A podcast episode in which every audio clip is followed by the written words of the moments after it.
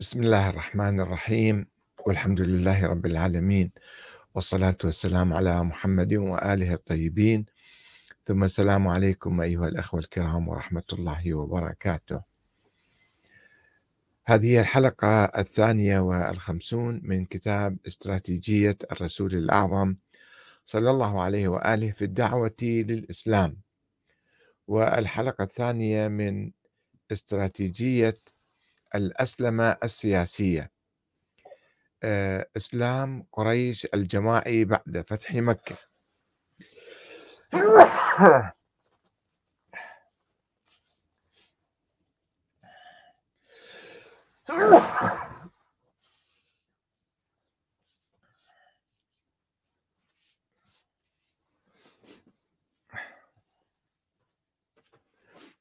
معذرة إسلام قريش الجماعي بعد فتح مكة. لعل أبرز مثل على الإسلام السياسي أو الظاهري هو إسلام قريش الجماعي بعد فتح مكة بعد مقاومة حوالي عشرين سنة للدعوة الإسلامية. وطلبهم المعاجز والآيات من النبي حتى يصدقوا به. وقد أسلم في البداية زعيمهم أبو سفيان عندما التقاه العباس عم النبي خارج مكة أثناء الفتح. فقال له هذا رسول الله ورائي قد دلف إليكم بما لا قبل لكم به بعشرة آلاف من المسلمين. قال فما تأمرني؟ قال تركب عجز هذه البغلة فأستأمن لك رسول الله. فوالله لئن ظفر بك ليضربن عنقك.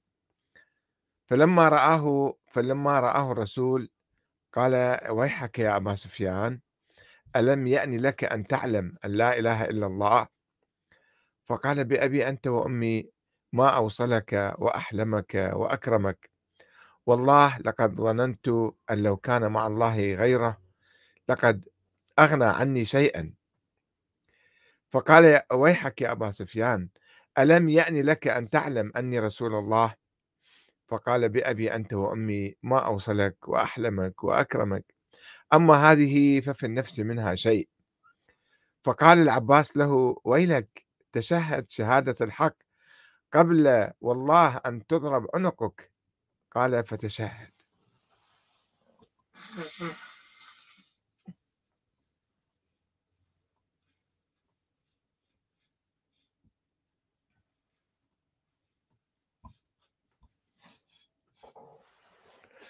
معذرة.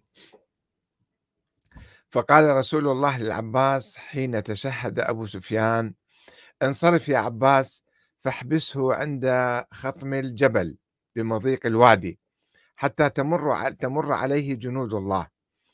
وعندما جلس يشاهد القبائل والكتائب وهي تدخل مكة قال للعباس يا أبا الفضل لقد أصبح ملك ابن أخيك عظيما. فقال له ويحك إنها النبوة؟ فقال نعم إذن. فقال الحق الآن بقومك فحذرهم. فخرج سريعا حتى أتى مكة. أبو سفيان. فصرخ في المسجد. يا معشر قريش هذا محمد قد جاءكم بما لا قبل لكم به. قالوا فما؟ يعني ماذا نفعل؟ فقال من دخل داري فهو آمن. فقالوا ويحك؟ وما تغني عنا دارك. وقامت إليه هند بنت عتبة زوجته فأخذت بشاربه فقالت اقتلوا الحميث الدسم الأحمس قبح قبح من طليعة قوم. قال ويلكم لا تغرنكم هذه من أنفسكم فإنه قد جاءكم ما لا قبل لكم به. فمن دخل دار أبي سفيان فهو آمن ومن دخل المسجد فهو آمن. ومن أغلق عليه بابه فهو آمن. ودخل رسول الله المسجد الحرام وخطب فيهم فقال يا معشر قريش ويا أهل مكة ما ترون أني فاعل بكم؟ قالوا خيرا أخ كريم وابن أخ كريم. ثم قال اذهبوا فأنتم الطلقاء. فأعتقهم رسول الله. وقد كان الله أمكنه من رقابهم عنوة وكانوا له فيئا كان يقدر كلهم يأخذهم أسارى فبذلك يسمى أهل مكة الطلقاء. ثم اجتمع الناس بمكة لبيعة رسول الله على الإسلام. فجلس لهم على الصفا فبايعهم على السمع والطاعة لله ولرسوله. ومن الواضح أن إسلام أبي سفيان وعامة قريش الذين لم يؤمنوا بالنبي حتى يوم الفتح كان إسلاما سياسيا أكثر مما كان عن عقيدة وإيمان. وقد عبر أبو سفيان نفسه عن ذلك عندما دعاه الرسول للإسلام ولشهادة أن محمد رسول الله فقال إن في النفس منها لشيء ولكنه تشهد بها خوفا من السيف. وكذلك فعل زوجته هند التي قاومت حتى النفس الأخير ولكنها استسلمت في النهاية. وقد انكشفت حقيقة إسلام الكثير من مسلمة الفتح عند هزيمة المسلمين في الجولة الأولى من معركة حنين. فأظهر هؤلاء ما في أنفسهم من الضغن. فقال أبو سفيان لا تنتهي هزيمتهم دون البحر. وصرخ كلدة ابن الحنبل ألا بطل السحر اليوم؟ وقال شيبة ابن عثمان ابن أبي طلحة اليوم أدرك ثأري. وكان أبوه قتل يوم أحد اليوم أقتل محمدا. ومن أبرز الذين أسلموا يوم الفتح أو عادوا للإسلام هو عبد الله بن سعد بن أبي سرح. الذي أمر رسول الله بقتله ولو وجد متعلقا بأستار الكعبة لأنه كان قد أسلم من قبل فارتد قبيل الفتح بوقت قليل وذلك أنه كان كاتبا للوحي عند رسول الله. وبينما كان الرسول يملي عليه بعض القرآن من سورة المؤمنون ولقد خلقنا الإنسان من سلالة من طين فسبق هو لتكملة الآية وقال تبارك الله أحسن الخالقين. تعجبا من تفضيل من تفصيل خلق الإنسان. فقال النبي تكتبها. فكذلك نزلت. فشك عبد الله وقال لئن كان محمد صادقا لقد أوحي إلي كما أوحي إليه ولئن كان كاذبا لقد قلت كما قال. فارتد عن الإسلام ولحق بقريش في مكة. فنزلت فيه الآية. ومن أظلم ممن افترى على الله كذبا أو قال حين أو قال أوحي إلي ولم يوحى إليه شيء ومن قال سأنزل مثل ما أنزل الله الأنعام 93 وقد لجأ عبد الله يوم الفتح إلى عثمان بن عفان أخيه من الرضاعة فغيبه حتى أتى به رسول الله بعد أن اطمأن أهل مكة فاستأمن له فذكر أن رسول الله ذكر أن رسول الله صمت طويلا. كان النبي قال اقتلوه ولو وجدتموه متمسكا بأستار الكعبة. آه، النبي سكت سكت مدة طويلة. ثم قال نعم. فلما انصرف به عثمان قال رسول الله لمن حوله من أصحابه أما والله لقد صمت ليقوم إلى بعضكم فيضرب فقه فقال رجل من الأنصار هل أوأت لي يا رسول الله؟ قال النبي لا يقتل بالإشارة. ومن الواضح أيضا أن إسلام عبد الله للمرة الثانية لم يكن عن قناعة وإنما كان إسلاما سياسيا عن خوف. إذ لم يكن الشك بالنبوة يرتفع من قلبه لمجرد الانتصار العسكري يوم فتح مكة. كما أن النبي لم يرحب بإسلامه كثيرا وتمنى على أصحابه لو قتلوه قبل أن يعفوا عنه. لقد كان إسلام قريش بصورة جماعية عند فتح مكة دليلا بارزا على الإسلام السياسي. وإن كان لعفو الرسول عنهم بعد سيطرته عليهم آه، دور كبير في تليين قلوبهم ودفعهم للإيمان برسالته.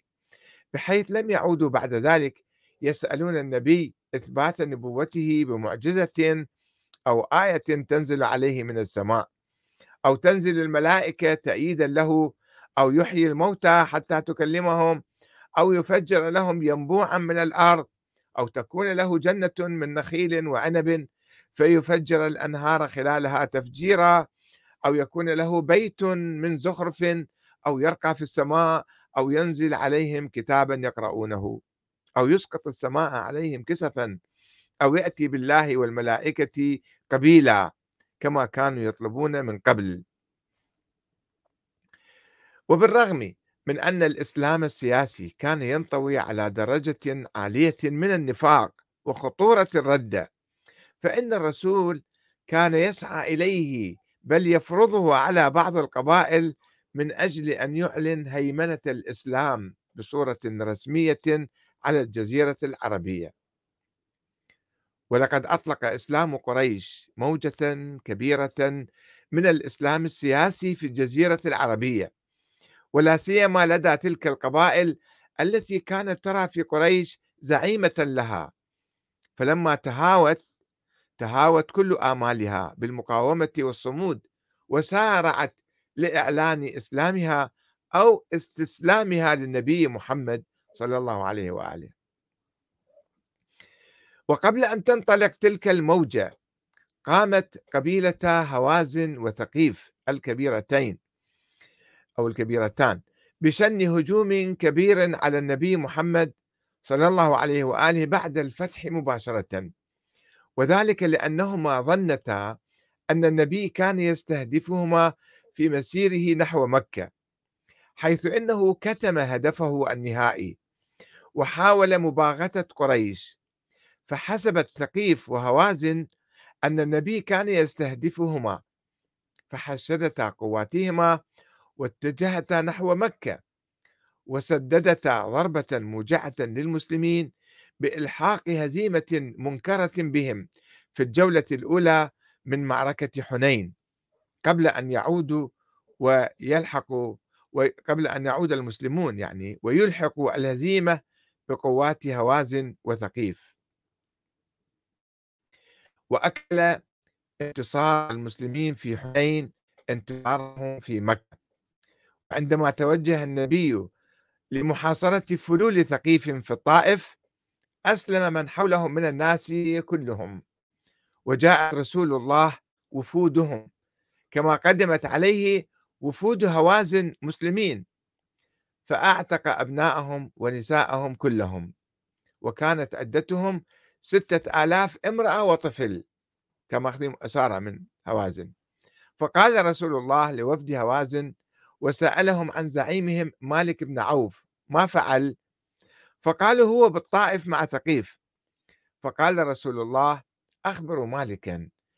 إنه إن أتاني مسلما رددت عليه أهله وماله وأعطيته مئة من الإبل. فأتى مالك بذلك فلحق برسول الله فرد عليه أهله وماله وأعطاه مئة من الإبل وأسلم. فاستعمله رسول الله على قومه وعلى من أسلم من تلك القبائل حول الطائف ثمالة وسلمة وفهم. فكان يقاتل بهم ثقيفا. هذه قبائل ثلاث قبائل. وهذا ما عرض ثقيف إلى ضغوط كبيرة. فقام زعيمهم عروة بن مسعود الثقفي باللحاق برسول الله حتى أدركه قبل أن يصل إلى المدينة فأسلم. وسأله أن يرجع إلى قومه بالإسلام. هو يعني يعود كمسلم وينشر الإسلام في قومه. فقال رسول الله إنهم قاتلوك. وعرف رسول الله أن فيهم نخوة بالامتناع الذي كان منهم. فخرج عروة يدعو قومه إلى الإسلام ورجى أن لا يخالفوه لمنزله فيهم هو زعيمهم. فلما أشرف لهم على علية له وقد دعاهم إلى الإسلام أثر لهم دينه رموه بالنبل من كل وجه فأصابه سهم فقتله. ثم أقامت ثقيف بعد قتل عروة أشهرا. ثم إنهما ائتمروا بينهم أو إنهم ائتمروا بينهم أن لا طاقة لهم بحرب من حولهم من الأعراب من العرب. فبايعوا وأسلموا.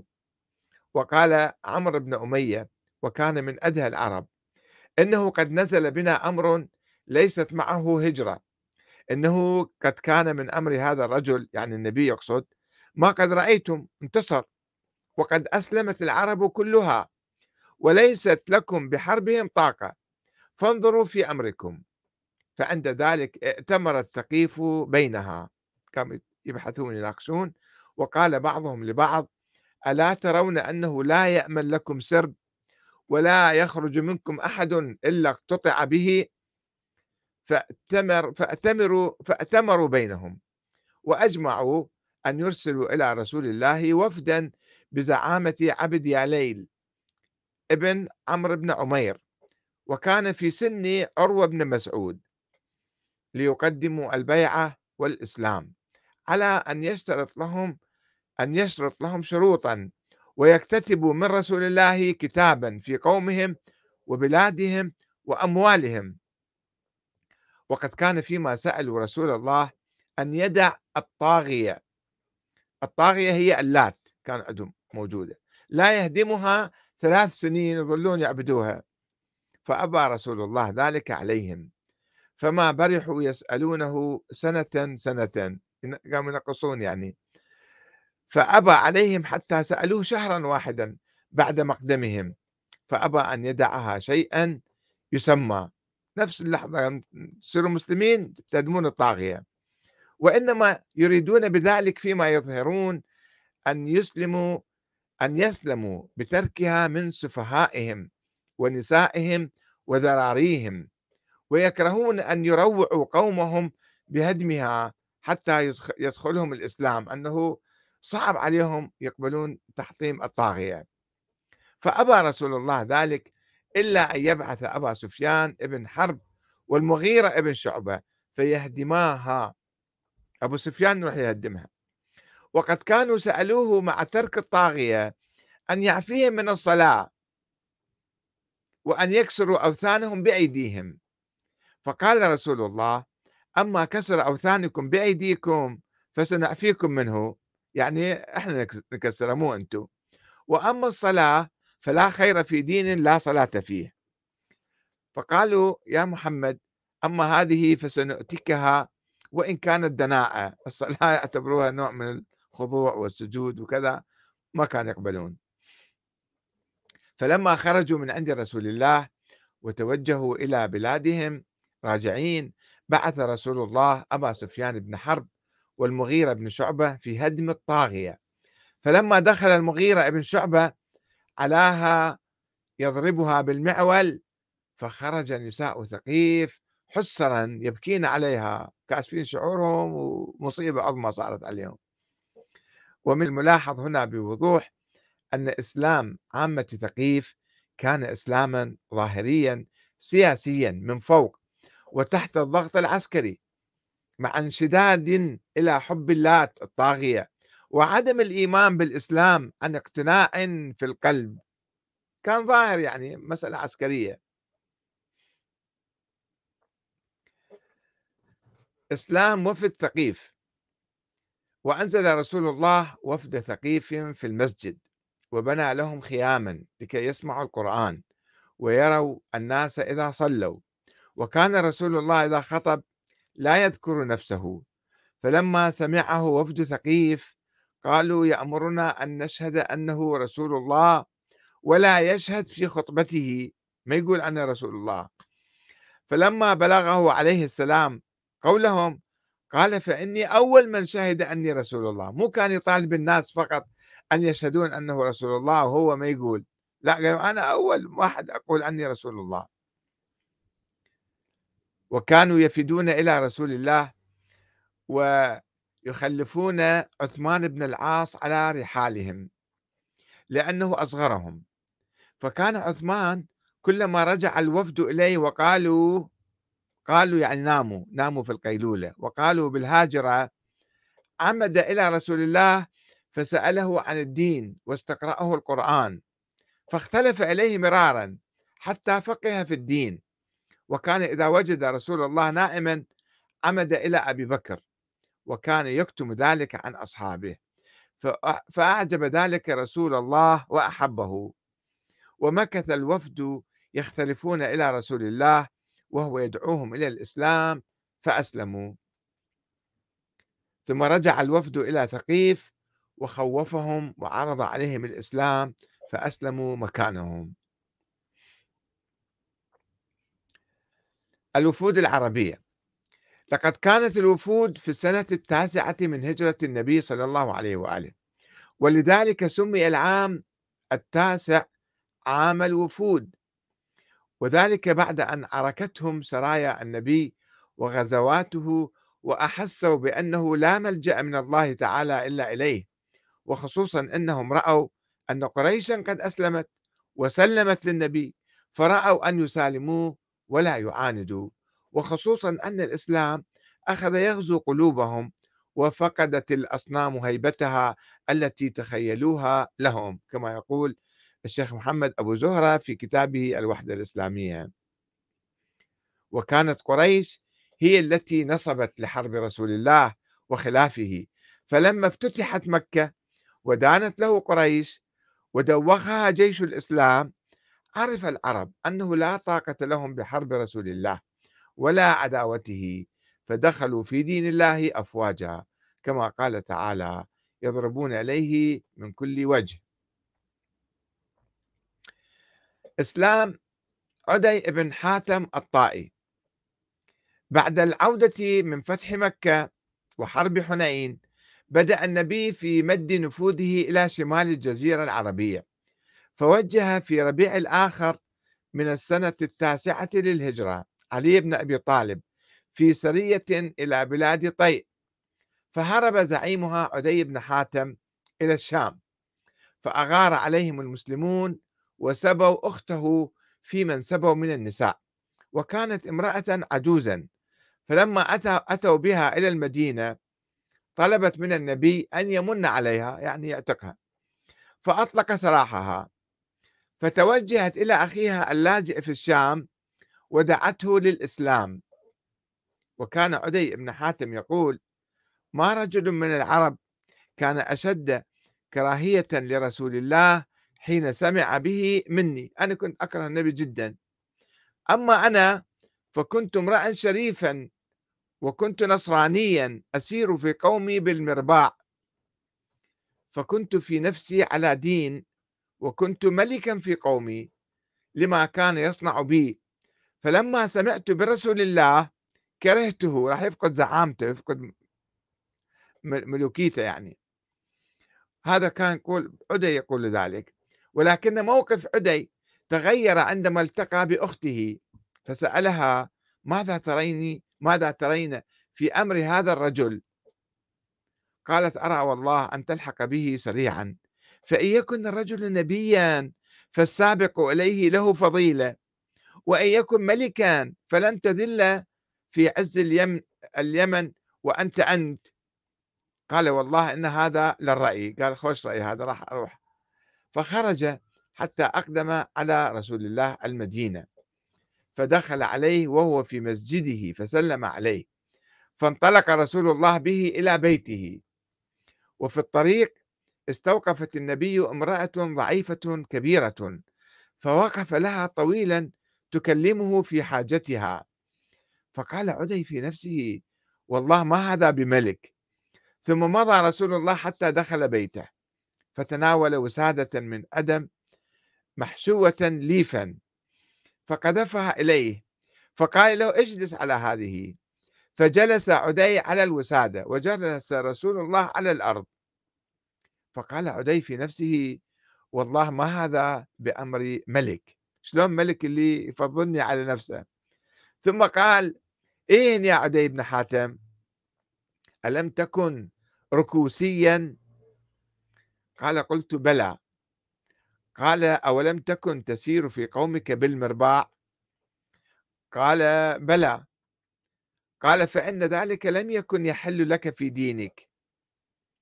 قال أجل والله وعرفت أنه نبي مرسل يعلم ما يجهل أو ما يجهل اللي أنا شيء يعني خاص بي قال ثم قال لعله يا عدي بن حاتم إنما يمنعك من الدخول في هذا الدين ما ترى من حاجتهم ناس فقراء يعني مسلمين. فوالله ليشكن المال يفيض فيهم حتى لا يوجد من يأخذه. ولعله إنما يمنعك من الدخول في هذا الدين ما ترى من كثرة عدوهم وقلة عددهم. فوالله ليشكن أن تسمع بالمرأة تخرج من القادسية على بعيرها حتى تزور هذا البيت. لا تخاف إلا الله. ولعله إنما يمنعك من الدخول فيه أنك ترى أن الملك والسلطان في غيرهم. وأيم الله ليشكن أن تسمع بالقصور البيض من أرض بابل قد فتحت. ثم قال له يا عدي بن حاتم ما أفرك أن ما أن يقال لا إله إلا الله. فهل من إله إلا الله؟ وما قال الله أكبر فهل من شيء هو أكبر من الله؟ فأسلم عدي بن حاتم. فكان يقول مضت الثنتان وبقيت الثالثة. والله لتكونن قد رأيت القصور البيض من أرض بابل قد فتحت ورأيت المرأة تخرج من القادسية على بعيرها لا تخاف شيئا حتى تحج هذا البيت. وأيم الله لتكون الثالثة ليفيضن المال حتى لا يوجد من يأخذه.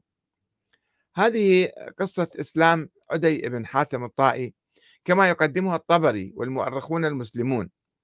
وبغض النظر عن المناقشة في سند هذه القصة وبعض تفاصيلها الجزئية فإنها تحمل في طياتها دوافع الإسلام السياسي أكثر مما تحمل من عناصر الاقتناع العقدي. وتحاول أن تقدم أيضا عنصر علم النبي بالغيب كسبب من أسباب الإسلام. رغم أن الموضوع تعامل عدي بالمرباع يأخذ ربع كان من الضرائب يعني ليس أمرا سريا جدا. يدل الإخبار به على علم بالغيب. يعني يمكن النبي كان يعرف معلومات عنه ويدل بالتالي على النبوة. آه، وتقول القصة أن عدي كان ملكا في قومه وكان من الطبيعي أن يكره النبي الذي ظن أنه ينافسه على الملك واضطره للهرب إلى الشام.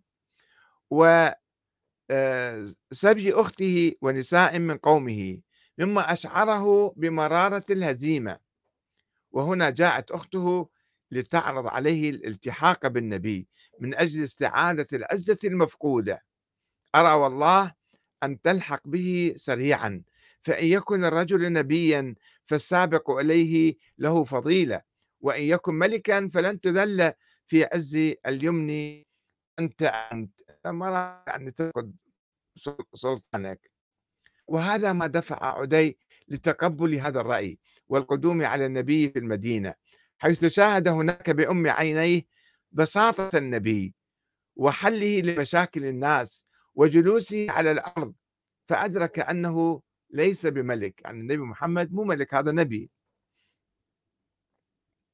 وعندما أخبره النبي عن تعامله بالمرباع يأخذ ضريبة بالربع يعني عرف عدي أنه نبي مرسل يعلم ما يجهل وحسب ما تقول الرواية فإن عدي لم يسأل عن دليل النبوة وأن النبي لم يقرأ عليه شيئا من القرآن وإنما حاول إزالة مخاوفه الأمنية والسياسية والاقتصادية. وقال له لعله يا عدي بن حاتم إنما يمنعك من الدخول في هذا الدين ما ترى من حاجتهم. فالرواية اللي قرأناها قبل قليل.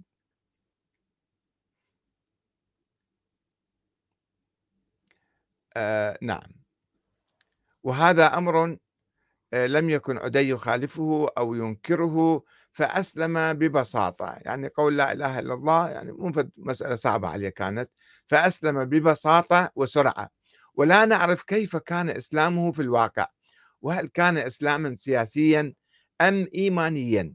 ولكن كما يبدو من القصة أنه كان أقرب إلى الإسلام السياسي منه إلى الإيمان والله أعلم. وبعدما أسلم عدي بن حاتم ملك طي قدم ملك يعني مثل زعيم قبيلة يسموه ملك كانوا ملك قبيلة طي الكبيرة كان ذيك الأيام. قدم وفد عظيم من بني تميم. فلما دخلوا المسجد نادوا رسول الله من وراء الحجرات أن أخرج إلينا يا محمد. فآذى ذلك من صياحهم رسول الله فخرج إليهم فقالوا يا محمد جئناك لنفاخرك. فأذن لشاعرنا وخطيبنا. قال نعم أذنت لخطيبكم. فليقل. فقام إليه عطارد بن حاجب. فقال الحمد لله الذي له علينا الفضل وهو أهله الذي جعلنا ملوكا ووهب لنا أموالا عظاما نفعل فيها المعروف وجعلنا أعز أهل المشرق وأكثره عددا وأيسره عدة فما مثلنا في الناس؟ ألسنا برؤوس الناس؟ وأولي فضلهم فمن يفاخرنا فليعدد مثل ما عددنا.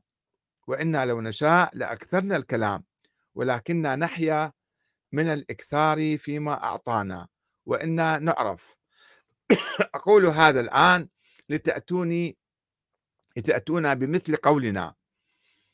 وأمر أفضل من أمرنا ثم جلس. يعني صار يعدد مكانتهم ومنزلتهم وفضائلهم.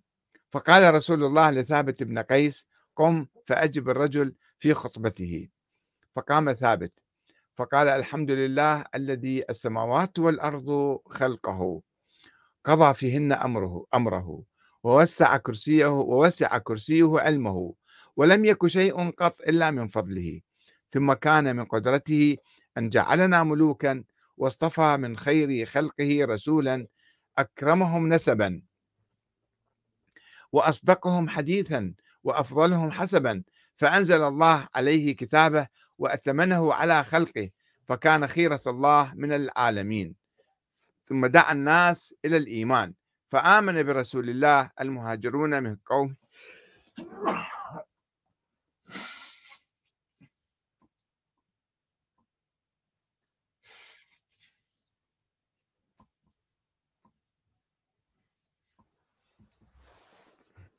معذرة اليوم شوية مرشح و... ف... ثم دعا الناس إلى الإيمان فآمن برسول الله المهاجرون من قومه وذوي رحمه. أكرم الناس أنسابا وأحسن الناس وجوها وخير الناس فعالا.